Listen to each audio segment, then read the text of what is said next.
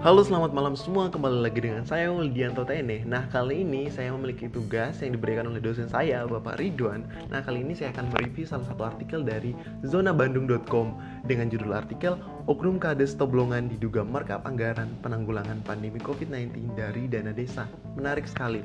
Mengapa saya memilih artikel ini? Karena karena di topik 7 di mata kuliah ekonomi pedesaan saya disuruh membahas di prinsip demokrasi di desa dalam poin yang ke-8 masalah transparansi dan akuntabel akuntabilitas. Contoh kasusnya yaitu markup anggaran dana desa. Makanya saya memilih saya memilih artikel ini. Dan memang udah dibagi sih sama teman-teman dengan teman-teman yang lain.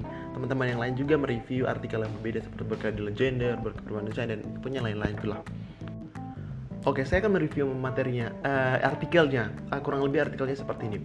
Dalam laporan keuangan dan desa yang dilaporkan ke sistem keuangan desa ke Kementerian Desa, anggaran yang diperuntukkan untuk penyediaan sarana dalam bentuk aset tetap perkantoran senilai 5,6 juta rupiah diduga fiktif.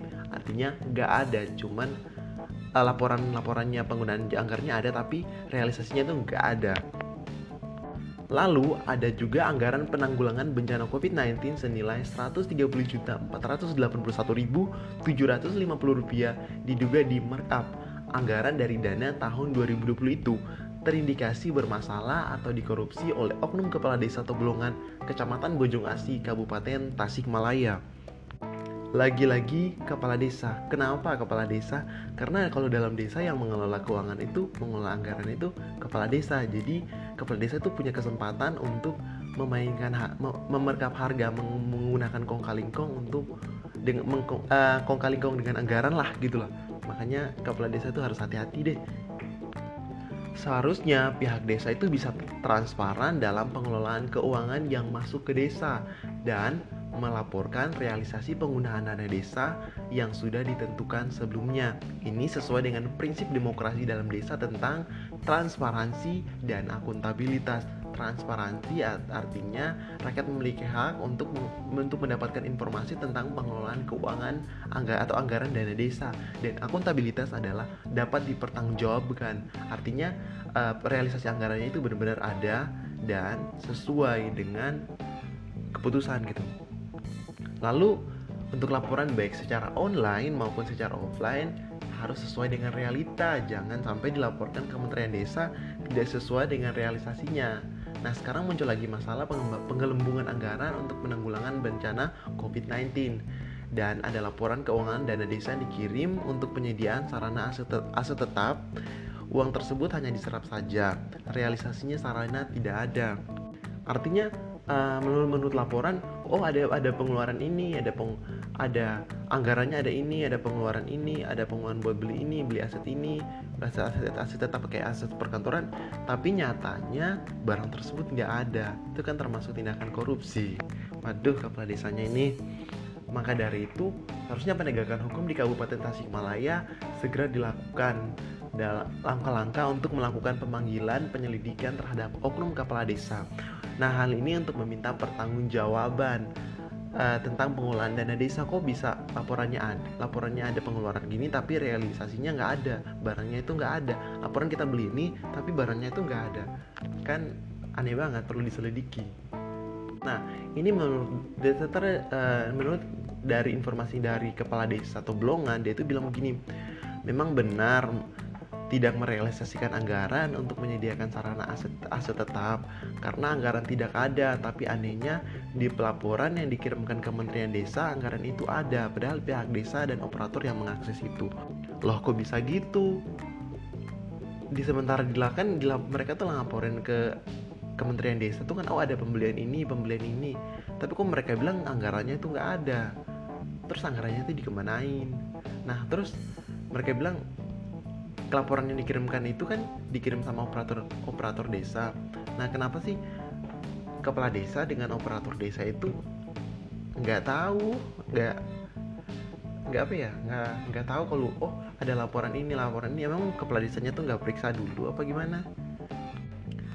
Nah, kepala desanya juga itu mengakui gini, kalau penanggulangan anggaran bencana itu penanggu anggaran penanggulangan bencana realisasinya untuk pembelian seperti masker, hand sanitizer, disinfektan dan tempat cuci tangan memang benar anggaran itu besar tapi itu realisasi. Nah dia udah mengakui tapi ya iya memang ada kebanyakan kepala desa kayak gitu kadang memang ada yang barangnya ada terrealisasi tapi harganya itu udah nggak masuk akal udah di markup harganya itu nah biasanya ya menurutku um, kepala desa kepala desa itu cara korupsinya itu seperti mereka tuh udah bekerja sama dengan kayak pedagang yang jual bahan apa kayak bahan-bahan baku gitu kayak macam bahan-bahan proyek gitu. Mereka udah kerja kerja sama. Kayak oh dengan perjanjian oh kan nanti kita tuh bakal beli di sini dengan catatan kamu berikan harga yang uh, harga harganya itu jangan kasih harga asli tapi kayak dinaikin harganya gitu. Nah yang harga yang naikinnya itu bakal dibuat masukkan ke laporan tapi yang itu loh yang markupnya itu diambil sendiri untuk kepentingan pribadi. Masalah korupsi adalah masalah yang gak habis-habisnya. Ini bukan cuma terjadi di birokrasi tapi juga di semua sektor yang masalah kayak markup harga gitu untuk menyelesaikan masalah ini untuk me, uh, mencegah masalah ini itu menurutku sangat sulit. Nah di sini diperlukan kerjasama antara uh, pihak pengawas dan masyarakat. Dalam hal ini kayak satgas satgas eh, pengelolaan dana desa gitu loh. Kayak secara masyarakat itu kayak nggak mengerti dan mencari tahu sendiri. Kayak merasa kalau berhak kalau itu uang kita dan merasa bahwa itu harus dipertanggungjawabkan karena ya, ya harus dipertanggungjawabkan dengan begitu uh, para aparat desa itu kayak lebih apa ya karena ada tekanan bahwa untuk bekerja secara profesional dan jujur sing karena ada tekanan itu sehingga uh, kecenderungan untuk melakukan markup harga itu bisa kecil. Ada sih tapi ya diminimalisir. Karena menurutku markup harga itu masalah yang sudah lama sih.